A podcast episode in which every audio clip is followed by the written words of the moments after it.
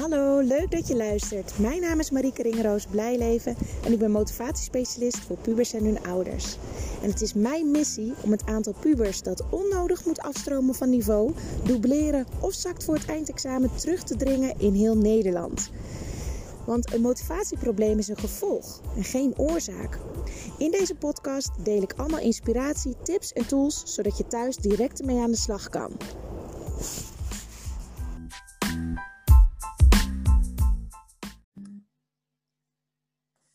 Jan, dan zijn we weer met een nieuwe podcast. Ja, hallo Marieke, leuk weer. Ja. ja, hi. Misschien is het leuk voor de luisteraars om even te weten wie je bent. Want uh, de, ja, we, misschien eh, hebben ze de andere podcast al gehoord, waardoor ze het al weten. Maar kan je even kort vertellen wie je bent en wat je doet?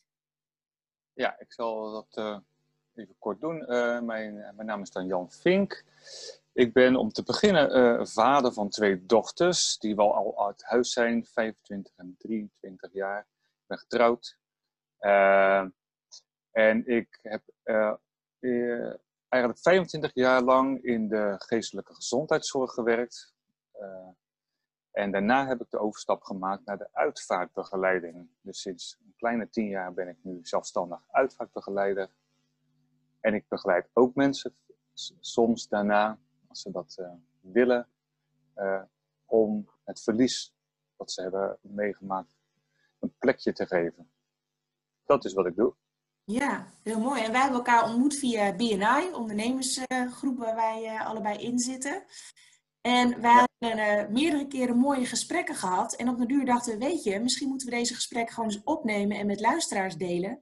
Zodat zij ook mee kunnen luisteren met de thema's die we bespreken. Ja. Leuk hoor. Ik stuurde jou net al een berichtje dat het me mooi lijkt om het over het thema te doen.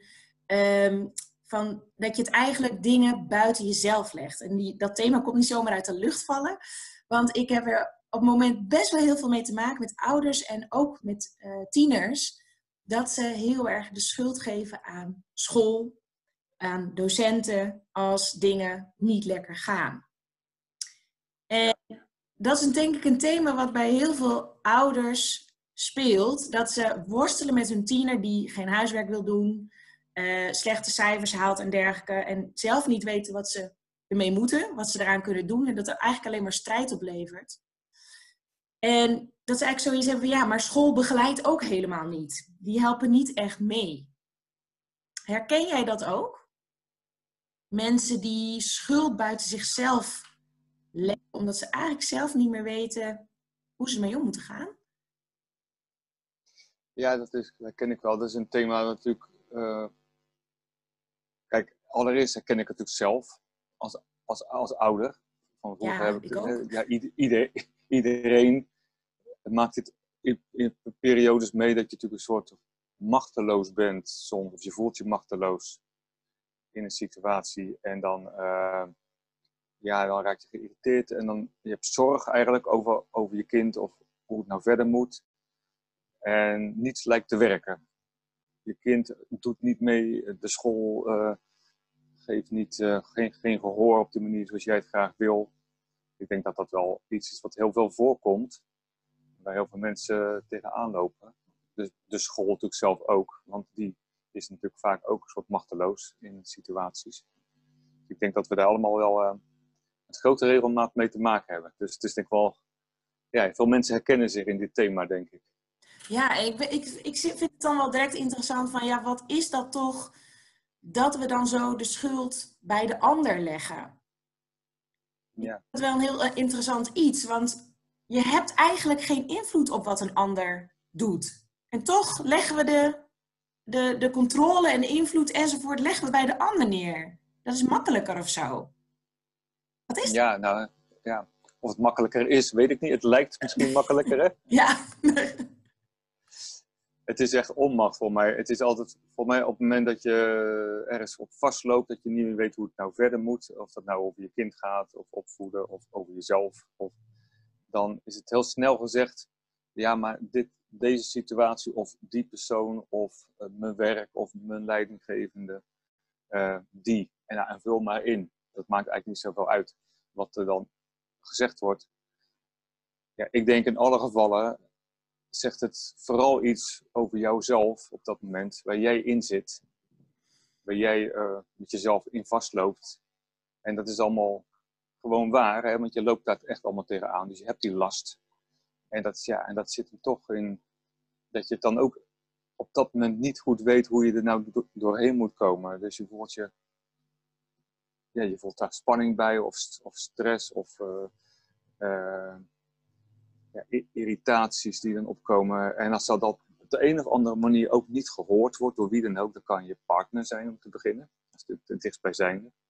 Als die ook druk is of met, op een andere manier daarin staat. Uh, en je begrijpt elkaar niet helemaal op dat moment of niet op dat moment ja, dan loopt het op. En als, dan, als je dan een signaaltje geeft aan een school of aan een, ja, een leerkracht of nou, iemand die specifiek uh, daarover gaat binnen de school. En er komt geen of een, of een beetje algemeen antwoord op, iets dergelijks, ja, dat, dan, dan is de boot aan, hè, zal ik maar zeggen. Dan, dan, dan, dan is het gewoon het hele systeem wat niet deugt, of dan is het die leerkracht die niet deugt, of de school die doet ook nooit iets aan. Dus dan krijg je een beetje verwijten. Ja. Ja, en het is altijd als dat gebeurt, denk ik, als je in verwijten komt, of dat is de irritatie naar anderen, is maar één ding wat je dan kan doen, is even rustig op de bank gaan, gaan zitten met jezelf. En even proberen tot rust te komen. Wat gebeurt hier nou precies? En dan zou je merken dat je helemaal zelf opgefokt bent van binnen. Hè? Of, of, of, geïrriteerd. Of en dat het allemaal in jouzelf zit. Dat je eigenlijk heel verdrietig bent over de situatie. Omdat je geen grip erop hebt.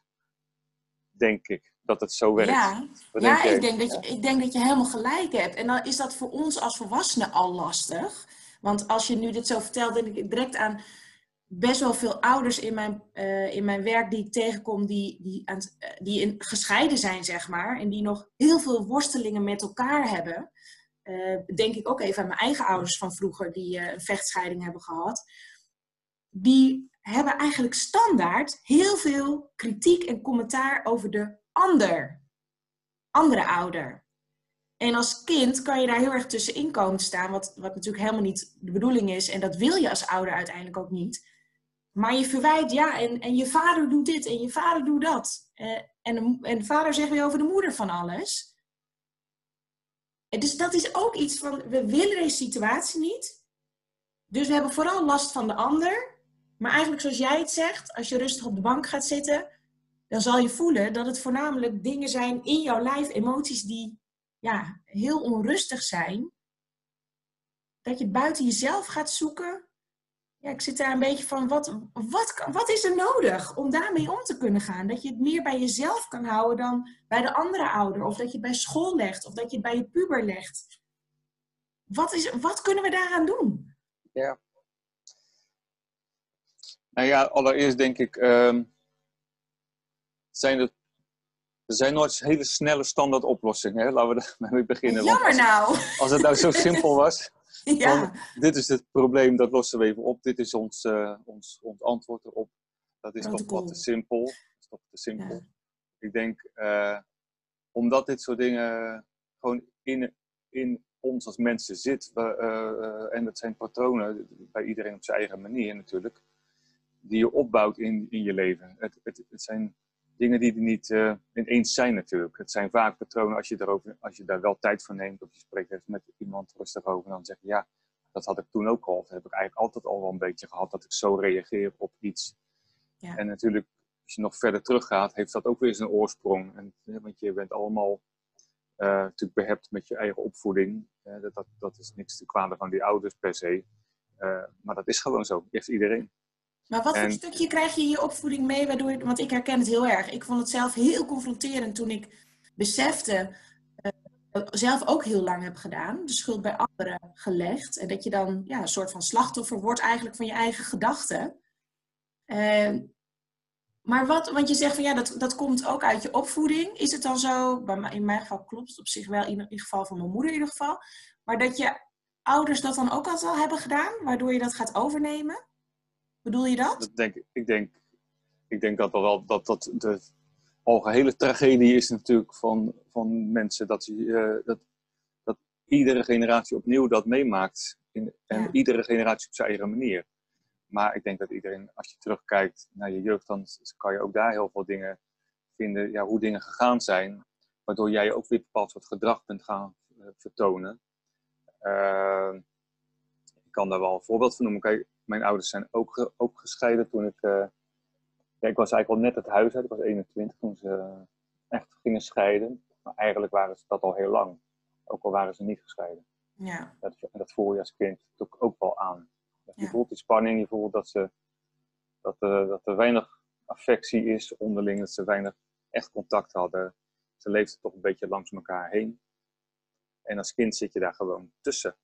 Ja. En, en ieder kind gaat uh, een soort mechanisme inzetten om, om overeind te blijven, zal ik maar zeggen. Ja. En dat betekent bijvoorbeeld uh, als de ouders te druk met zichzelf zijn, gewoon omdat ze te veel problemen hebben uh, met zichzelf of in de relatie, komen ze minder aan, aan de kinderen mogelijk toe. Ja.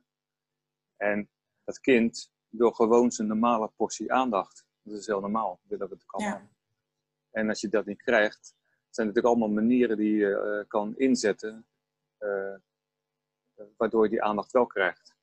En dat kan negatief zijn. Dus je kan, uh, nou, je kan gaan schreeuwen en je kan dingen gaan doen waardoor je constant op je kop krijgt. Of dat je straf krijgt of zo, of een tik op je kop.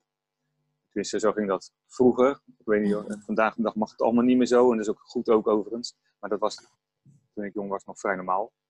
Uh, tik op je kop en naar je kamer. Uh, maar daar had je wel aandacht. Maar het was wel negatieve aandacht. En uh, als je geluk had, dan, uh, of, of je moest huilen, dan mag je hopen dat je ouder dat zag en dat je dan bij, bij haar of hem mocht komen en dat je dan getroost werd. Maar dat gebeurde ook niet altijd. Of het werd niet, niet gezien. Dus dat je, je niks zo dat je in je eentje zit, zit te huilen. Op je kamertje. Of gewoon, dat je, en dat betekent dat je gewoon dat niemand jou ziet of hoort. Dat is natuurlijk heel, triest. En dat hebben we allemaal wel meegemaakt.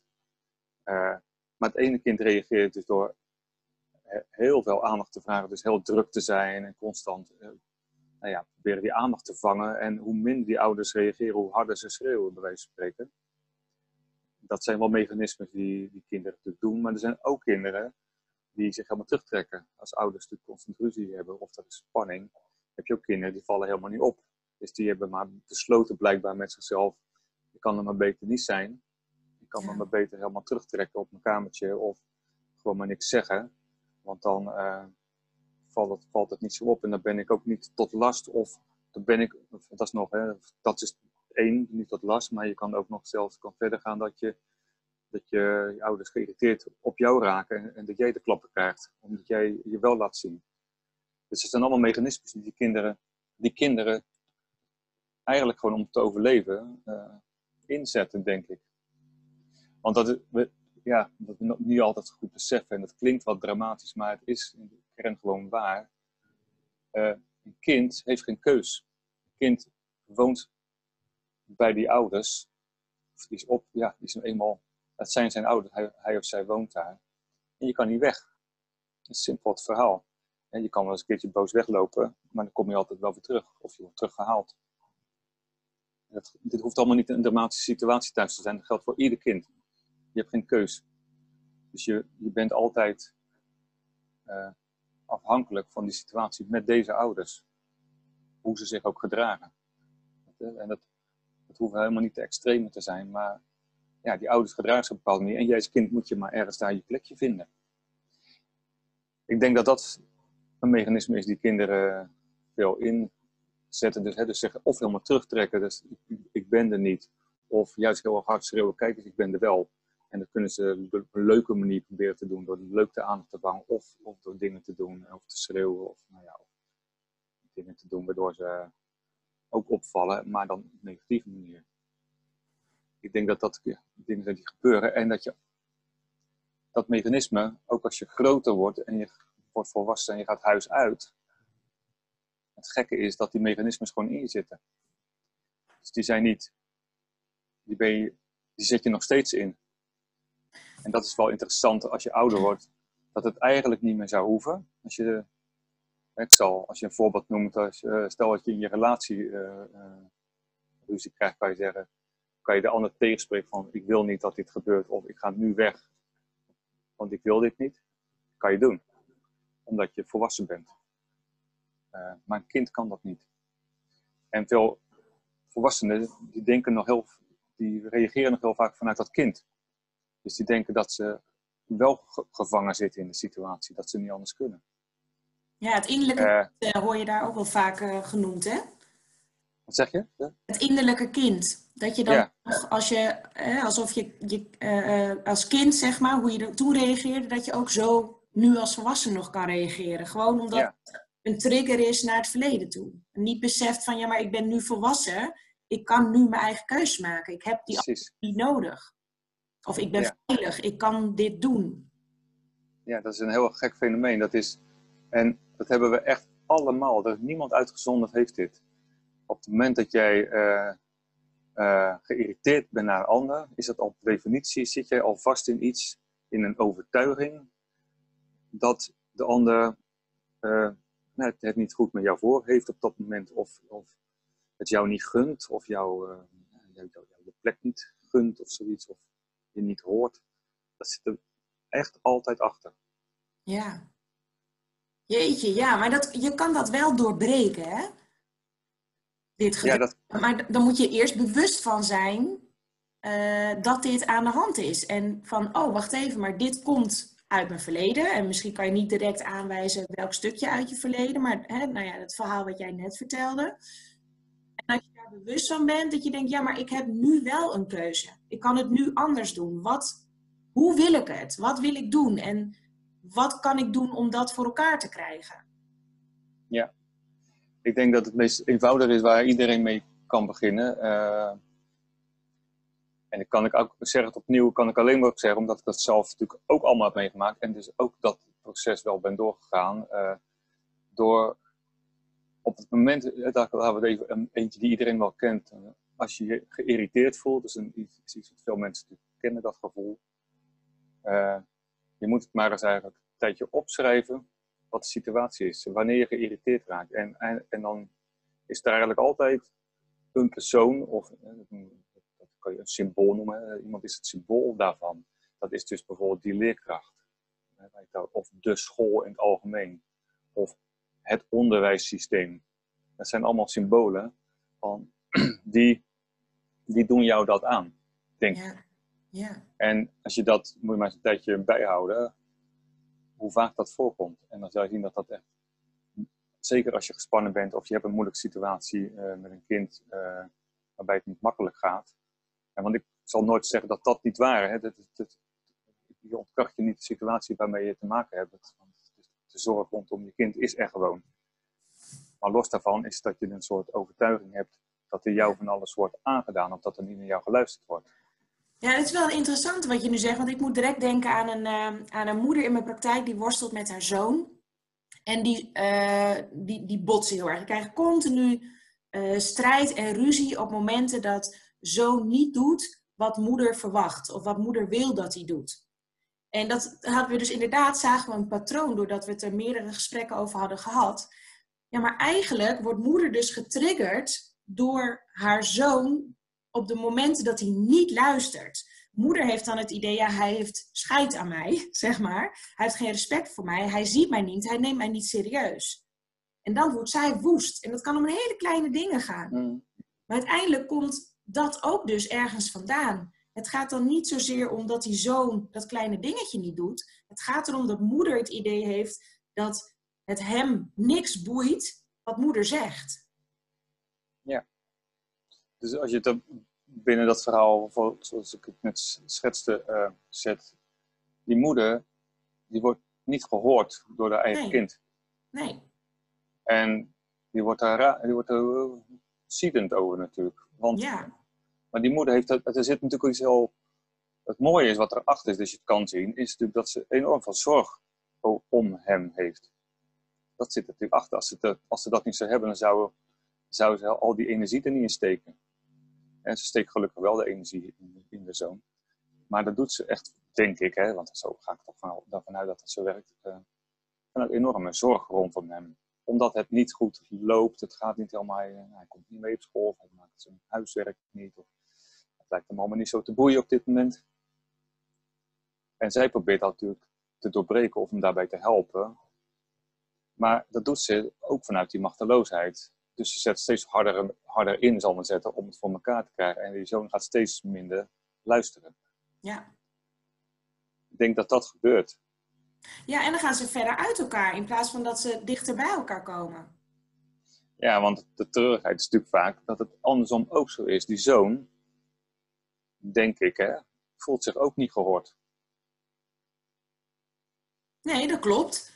Die zoon heeft, eh, die, die, die snapt het ook niet. Want die, hè, voor moeder is alles hartstikke logisch. Uh, wat ze vraagt en, en wat ze wil dat hij doet. En hij ziet, ja jeetje, wat, wat doe je moeilijk? Weet je, dat, ik moet bij alles nadenken hoe dat dan moet. Op jouw manier. Ja. Zie dat anders. En dan kom je ook niet dichter bij elkaar. Nee, want dat is natuurlijk het, het, dat is ook het ingewikkeld van de jonge mensen, dat ook die zoon, of zo, zo in het algemeen denk ik jonge mensen, uh, nog niet de goede woorden weten te vinden. Ook nog niet goed weten hoe ze het moeten, ja, hoe moet je het nou, moet je nou uitleggen wat er met je aan, aan je hand is. Eigenlijk zeggen ze vaak, laat me met rust, weet je wel. Laat mij. En, uh, want ik weet heus wel wat ik wil, zeggen ze eigenlijk, denk ik. Maar het komt er nog niet zo lekker uit. En, en het gedrag is, is precies hetgene uh, ja, wat je als ouder niet wil zien. Namelijk hè, je opsluiten op je kamertje, lang uit uh, op je bed. Uh, gamen. gamen. gamen. ja. En gamen is natuurlijk heel functioneel. Dat is natuurlijk, dat is natuurlijk niet... Gamen is natuurlijk gewoon lekker naar een virtuele wereld gaan. Waarin je die dagelijkse zorg niet hebt. Ja, dat is natuurlijk wat gamen doet. Trouwens heel veel dingen werken zo. Maar voor jongeren en gamen geldt dat denk ik echt zo. En eigenlijk zeggen ze ermee, laat me met rust. Ja, en dan is even nog helemaal niet de, de oplossing van, ja, maar, oh, oh, maar leuk, laat me met rust. Maar, en ze cijfers dan en, en ze schoolprestatie. Precies, ja. En dat, nou ja. en dat is het dilemma waarin je met elkaar terechtkomt. Omdat je allemaal in de waan van de dag zit. Je denkt, hij moet nu, het moet nu beter gaan. Hij moet gaan slagen, want hij kan het best. Het, hij is echt niet dom, weet je wel. Dat zijn allemaal ja. dingen die gezegd worden, denk ik. Zeker, ja. Maar we kunnen niet meer de rust zo vinden, allemaal niet meer. En kijk, het enige um, die wat meer kan, ook in dit geval, is die moeder. Waarom? Want die moeder, die komt bij jou. Dus die, heeft, die vraagt al iets aan jou. En die moeder, die, die stelt ook vragen aan jou van hoe moet ik daarmee omgaan. Dus zij is daarmee bezig en zij heeft daar last van. Ja. Die zoon heeft natuurlijk ook wel op zijn manier last van, maar die heeft niet die hulpvraag. Dus die moeder nee, moet daar iets mee met zichzelf. Ja, nou ja, wat, ik, wat ik in de praktijk vaak doe, uh, want dan zitten ze met elkaar, vaak beide ouders en, uh, en de jongeren. En dan ieder zijn eigen verhaal vertellen. En dan mag je alleen vragen aan de ander stellen, daar help ik natuurlijk bij, om de ander echt beter te begrijpen. Dus niet je mening gaan geven of je oordeel van dit klopt niet en dat is niet zo en dat soort dingen, maar echt luisteren om te begrijpen. Wat gebeurt er bij jou, wat gebeurt er bij jou, wat gebeurt er bij jou? En als ze hun eigen verhaal helemaal kunnen vertellen, uh, dan merk je dat de ander zegt: Oh, zie jij dat zo? Jongeren beleven het vanuit hun perspectief. En dat is gewoon echt anders dan die van ouders. Zo hebben ouders heel vaak het idee dat jongeren, uh, dat, ze school, dat het niet uitmaakt wat voor cijfers ze halen. Dat het hun totaal niet boeit. Terwijl geen één jongere wordt blij van een onvoldoende. Ze willen allemaal gewoon voldoendes hebben. Tuurlijk, de ene is pas tevreden met een tien en de ander vindt een zes ook prima. Maar niemand is blij met een vier. En dan zeggen ouders dan, ja, maar waarom doet hij dan niks? Ja, dat is de volgende stap. Het is niet omdat hij niet wil, maar omdat hij niet weet hoe hij het moet doen. Of, of dat hij bang is dat als hij wat gaat doen en toch een onvoldoende haalt, dat blijkt dat hij toch minder slim is dan dat zijn ouders uh, van hem denken, bijvoorbeeld.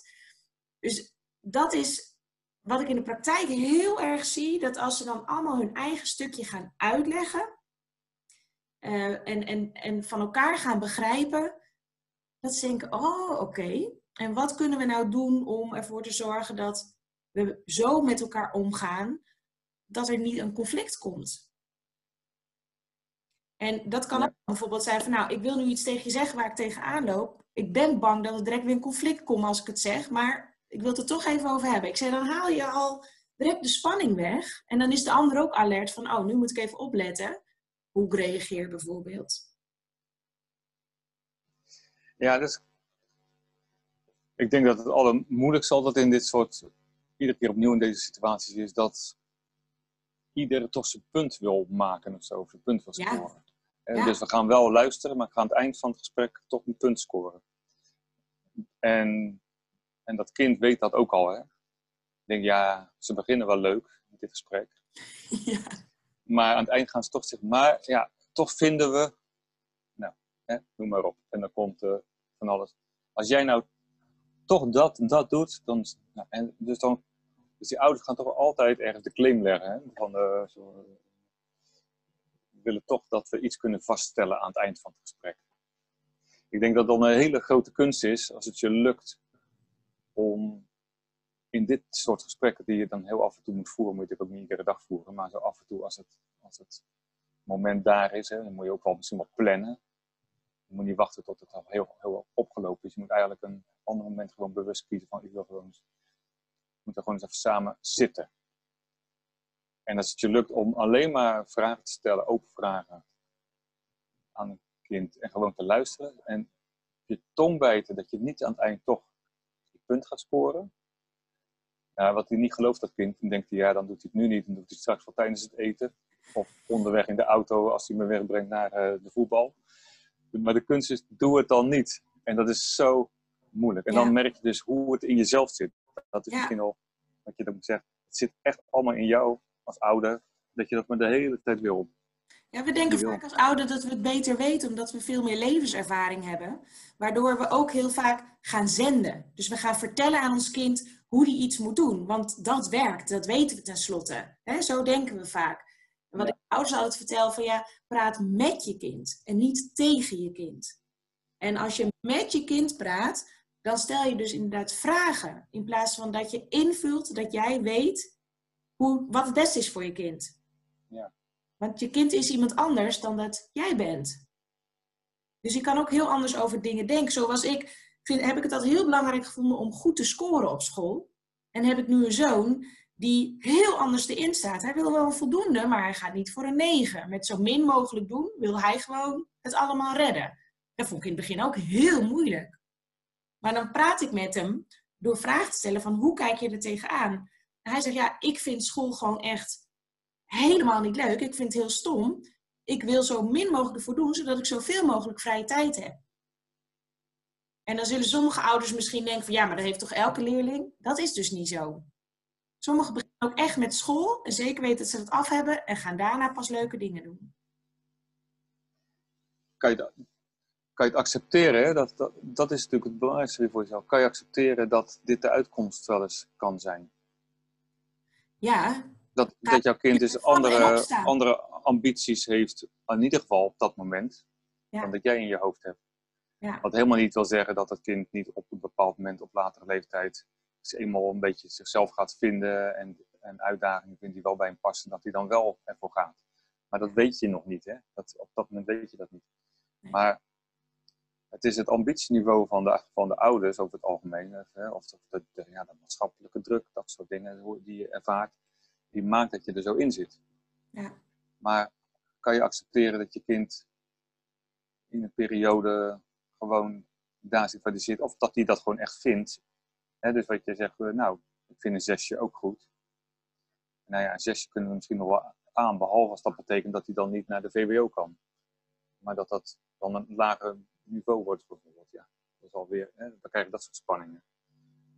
Maar kan je eigenlijk, als het je zou lukken om het kind gewoon lekker daar wel te laten waar hij op dat moment zit en dat te accepteren, zou je denk ik dat er veel meer uh, rust komt, ook bij het kind. En dat hij veel meer ruimte voelt om uh, misschien wel zijn eigen dingen uh, die meer bij hem, hem passen, ja, te laten blijken dat, dat hij dat gaat zeggen of dat hij andere keuzes gaat maken. En een keuze is ook gewoon een jaar dat niet hebben. Een jaar gewoon ja, minder.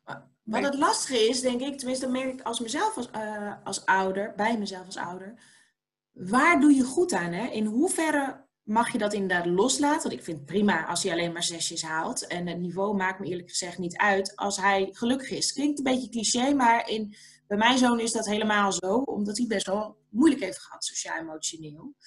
En in hoeverre moet je hem loslaten zodat hij blij is en zijn eigen ding doet? En in hoeverre doe je hem dan tekort, omdat je hem, je wil hem wel stimuleren en motiveren. Dus stel dat hij uh, het nodig heeft om iets meer gestimuleerd te worden, zodat hij net wat meer uit zichzelf haalt, bijvoorbeeld. En daardoor ja, uiteindelijk ja, blijer wordt. Weet je, snap je wat ik bedoel? Dat is veel te dun. In hoeverre laat je het los? In hoeverre moet je hem af en toe even een schop om de kont geven? Dat, ik vind dat een hele is, Ja. Maar dit is eigenlijk wel weer een hele nieuwe podcast. Ja, eigenlijk wel hè. Ik zat net ook niet? begonnen met de schuld bij de ander leggen. Maar wat hij namelijk doet, en ik merk het af en toe bij mezelf ook, hij legt ook buiten zichzelf. Ja, die docent is heel slecht. Natuurlijk. Hij weigert huiswerk te maken voor dat vak. Natuurlijk. Dus dit heeft ook te maken met de schuld buiten zichzelf leggen. Ik denk, jij kan je best gaan doen als jij je huiswerk gewoon maakt. Maar hij zegt, ja, ik ga het niet doen voor die stomme docent. Dus hij legt dingen ook buiten zichzelf. Ja, ja maar kind heeft groot gelijk. Als kind zou ik, mag ik dat best zeggen, dat zou ik ook zeggen. Maar het gaat er nu om, wat, hoe, hoe pak je dat als ouder op? En, en ga, jij, en ga jij ook mee in, in, in het schuld geven aan die ander? Uh, nee. En, en dat is dan weer, dat is iets waar je over kan nadenken. Daar kunnen ouders of met jou het over hebben of gewoon over denken hoe, ja, hoe, echt, hoe vaak dat wel niet gebeurt. Maar dat dat kind het doet, dat is helemaal niet erg. Wat is daar nou erg aan? Dat kind, die, die mag dat best allemaal vinden, een tijdje. Weet je, ja, daarom is je kind. En als hij ouder wordt, zal hij ook op een gegeven moment hopelijk doorkrijgen dat de wereld niet zo simpel in elkaar zit dat het altijd aan de ander ligt. Maar het gaat nu toch vooral om de ouders die vastlopen en die bij jou komen, die hier tegenaan lopen. En dus zij moeten als eerste natuurlijk, moet ook echt bij die ouders beginnen, waar anders. Ja. Van, is het echt die leerkracht? Is het echt die school? Of wat gebeurt er nou met mij of met ons, dat wij nou zo erop zitten de hele tijd en dat we dat niet kunnen loslaten. En dat is confronterend hoor Jan, dit. Ja, natuurlijk. dat is heel confronterend.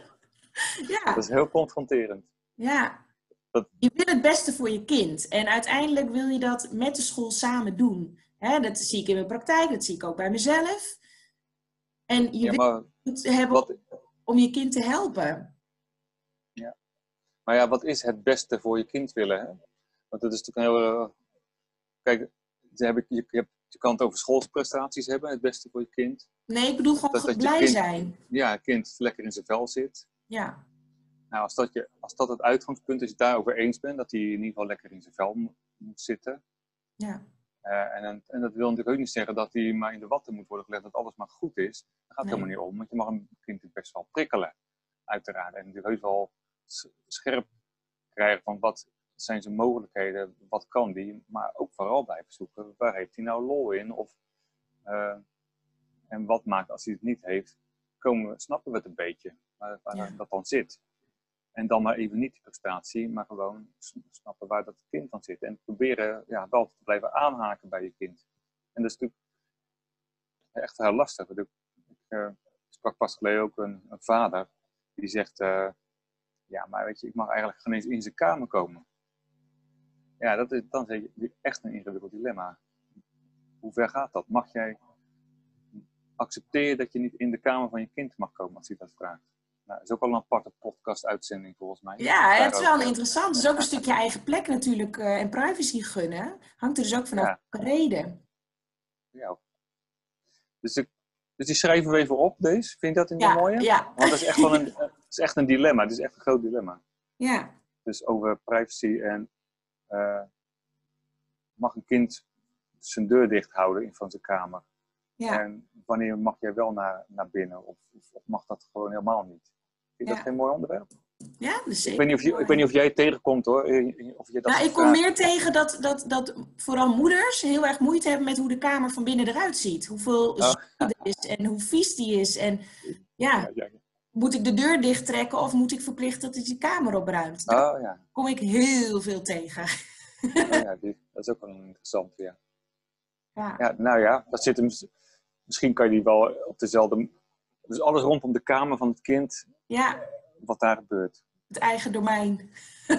ja. Daar, Nog even vind ik wel- samen- ja. Als we nog even samenvatten eh, wat we in deze podcast hebben besproken.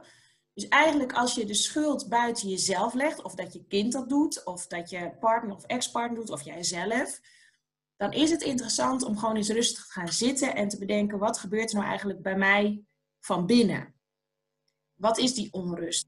Welke zorg zit er achter eh, het de schuld bij de ander liggen? Welke ja, zorg of angst of hè, welke emotie? En jij zei ook, hou eens bij op welke momenten eh, dit gebeurt. Dat je de schuld bij je ander legt. Hè? Dat er eigenlijk triggers zijn eh, die waarschijnlijk weer onbewust te maken hebben met ja, hoe je bent opgevoed of hoe je ouders dingen hebben gedaan en dergelijke. Ehm, zijn dat de belangrijkste? Ja, wat een hele eenvoudige manier is, zoals ik het al, ik, al een tijdje gedaan heb. eh, je kent die bloknootjes al met die geeltjes, hè? Die geeltjes waar je dingetjes op kan schrijven. Dus als je, die kan je makkelijk bij je dragen. Als je daar alleen al turft, hè, dus je hoeft het allemaal niet uitgebreid uit te werken, want als het te veel werkt, dan kom je niet aan toe natuurlijk. Maar je zou eens een tijdje met zo'n zo'n blokje geeltjes moeten rondlopen. En turf iedere keer als je merkt dat je dat je de irritatie voelt, dan wel naar je kind, dan wel naar school, dan wel naar alles eh, wat niet deugt, hè, dat, wat, hoe vaak dat jezelf. voorkomt. En Ja. dat dan bijvoorbeeld dus gedurende, nou, laten we zeggen, een week. Alleen dat al. Dus dan zie je dus hoe vaak dat jou overkomt. Ja, En, dat, en van daaruit kan je natuurlijk bijvoorbeeld, nou, door eens met jou daar eens over te praten, of eh, nou, gewoon dat even met elkaar te bespreken. Wat, wat is dat nou? Er zit een soort rode draad in. Is dat nou iedere keer, wat gebeurt er nou? En dan vooral het over jezelf hebben. Dus niet ja, de situaties, dat zal allemaal wel, weet je wel. Die zijn natuurlijk allemaal. Die zijn ook allemaal niet onwaar natuurlijk, dat is ook weer niet zo. Maar het gaat erom, waarom trigger jij daar nou zo op? Waarom Ja. gebeurt er iets bij jou iedere keer dat jij daar zo van slag van raakt? Ja. Nou, alleen Ja. dat al en daarover in gesprek gaan met elkaar het liefst, hè, als dat lukt met, met, met de ouders, is al heel wat. Ja. Nou ja, en het andere wat we zeiden is, als het je lukt om dat met je kind te doen, eh, zo'n gesprek voeren, doe dat in ieder geval altijd niet, op, niet nadat er iets gebeurd is, maar kies daar gewoon een rustig, goed moment voor uit. Voor jou, want dat kind vraagt er niet om. Ja. En probeer er aan het eind van je gesprek geen punt te maken van, nee, en nou wil ik toch nog eventjes dat we wel, nou, en noem maar op. Als dat zou lukken, en dan merk je ook hoe, hoe het in jou zit, hoe moeilijk dat is om dat niet te doen. ja. ja dat, Misschien een leuk. Ja, nee, dat is een hele mooie. En als afsluiting, het schiet mij nu te binnen wat ik altijd in workshops met leerlingen vertel. Want bij workshops met leerlingen die met motivatieproblematiek worstelen, heb ik ook heel veel hiermee te maken. Alles ligt bij de docent en bij de school volgens die leerlingen. En dan leg ik hun altijd uit, 90% van alles wat, jij, eh, wat er gebeurt en dergelijke, heb je invloed op. En 10% is wat jou overkomt. Dus moet je nagaan dat je 90% is dus dat jij zelf kan kiezen hoe je op iets of iemand reageert. Kies je ervoor om slachtoffer te zijn of kies je ervoor van, oké, deze docent heeft iets niet goed uitgelegd. Ik ga op zoek naar iemand die mij wel dat vak goed kan uitleggen. Dan neem je het hef weer in handen. Dus dat is eigenlijk ook in deze situatie. Bij alles denken die 90%. Dus ik kan heel veel zelf eraan doen. Wat kan ik doen? En 10% is eigenlijk bijvoorbeeld als je ouders gaan scheiden, daar heb je totaal geen invloed op als kind. Dat is 10%. 90% is hoe jij uiteindelijk ermee omgaat. Is dat een mooie afsluiting? Vind ik wel. Ja. En dan gaan we, wat mij betreft, de volgende keer over, over de slaapkamer van het kind. Ja, en alles precies. daaromheen. Is dat een Ja. goed idee? Dat is zeker een goed idee. Gaan we doen. Oké. Oké, dankjewel weer. Yes, jij ook. Doei doei. Doei.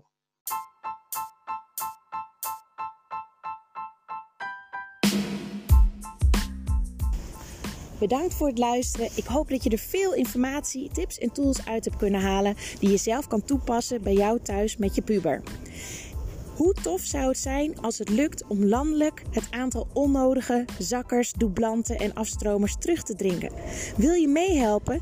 Deel dan mijn podcast zo vaak mogelijk op social media of mijn berichten en tag mij erin, want ik vind het super tof om te weten wie er luistert naar mijn podcast en wie mijn berichten bekijkt. Ken je een moeder of een vader of een docent die deze informatie ook kan gebruiken? Deel het, want zo zorgen we ervoor dat heel Nederland positiever in de puberteit wordt. Yes, dankjewel!